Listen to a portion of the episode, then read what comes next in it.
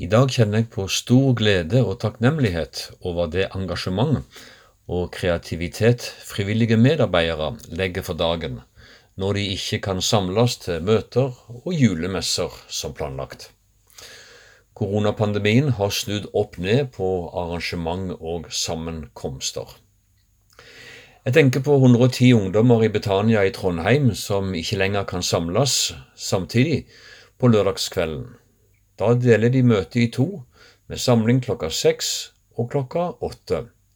50 på hver samling. Det er så viktig for de å komme sammen for å høre Guds ord og være i det kristne fellesskapet. Og smittevernet tar de godt vare på. Jeg tenker også på Misjonssambandets julemesse i Åfjord på Fosen.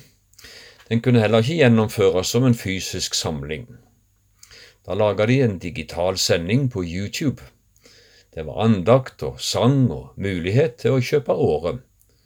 Og alle husstander i kommunen fikk tilsendt informasjon om at de kunne kjøpe lodd på hovedlotteriet i nettbutikken. Og sjøl kunne jeg sitte på hytta og følge med i det som skjedde i Åfjord. Utrolig kjekt. På julemessa i Orkdal så kjørte de rundt med bakevare til alle som hadde bestilt på nettet.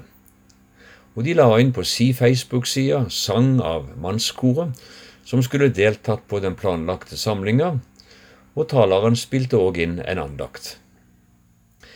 Dette er mennesker som brenner for at ordet om Jesus må bli kjent for så mange mennesker som mulig. Og Da er òg penger viktig, slik at vi kan sende mennesker som kan fortelle om Jesus til de områder i verden hvor Jesus er lite kjent, eller ikke er kjent i det hele tatt.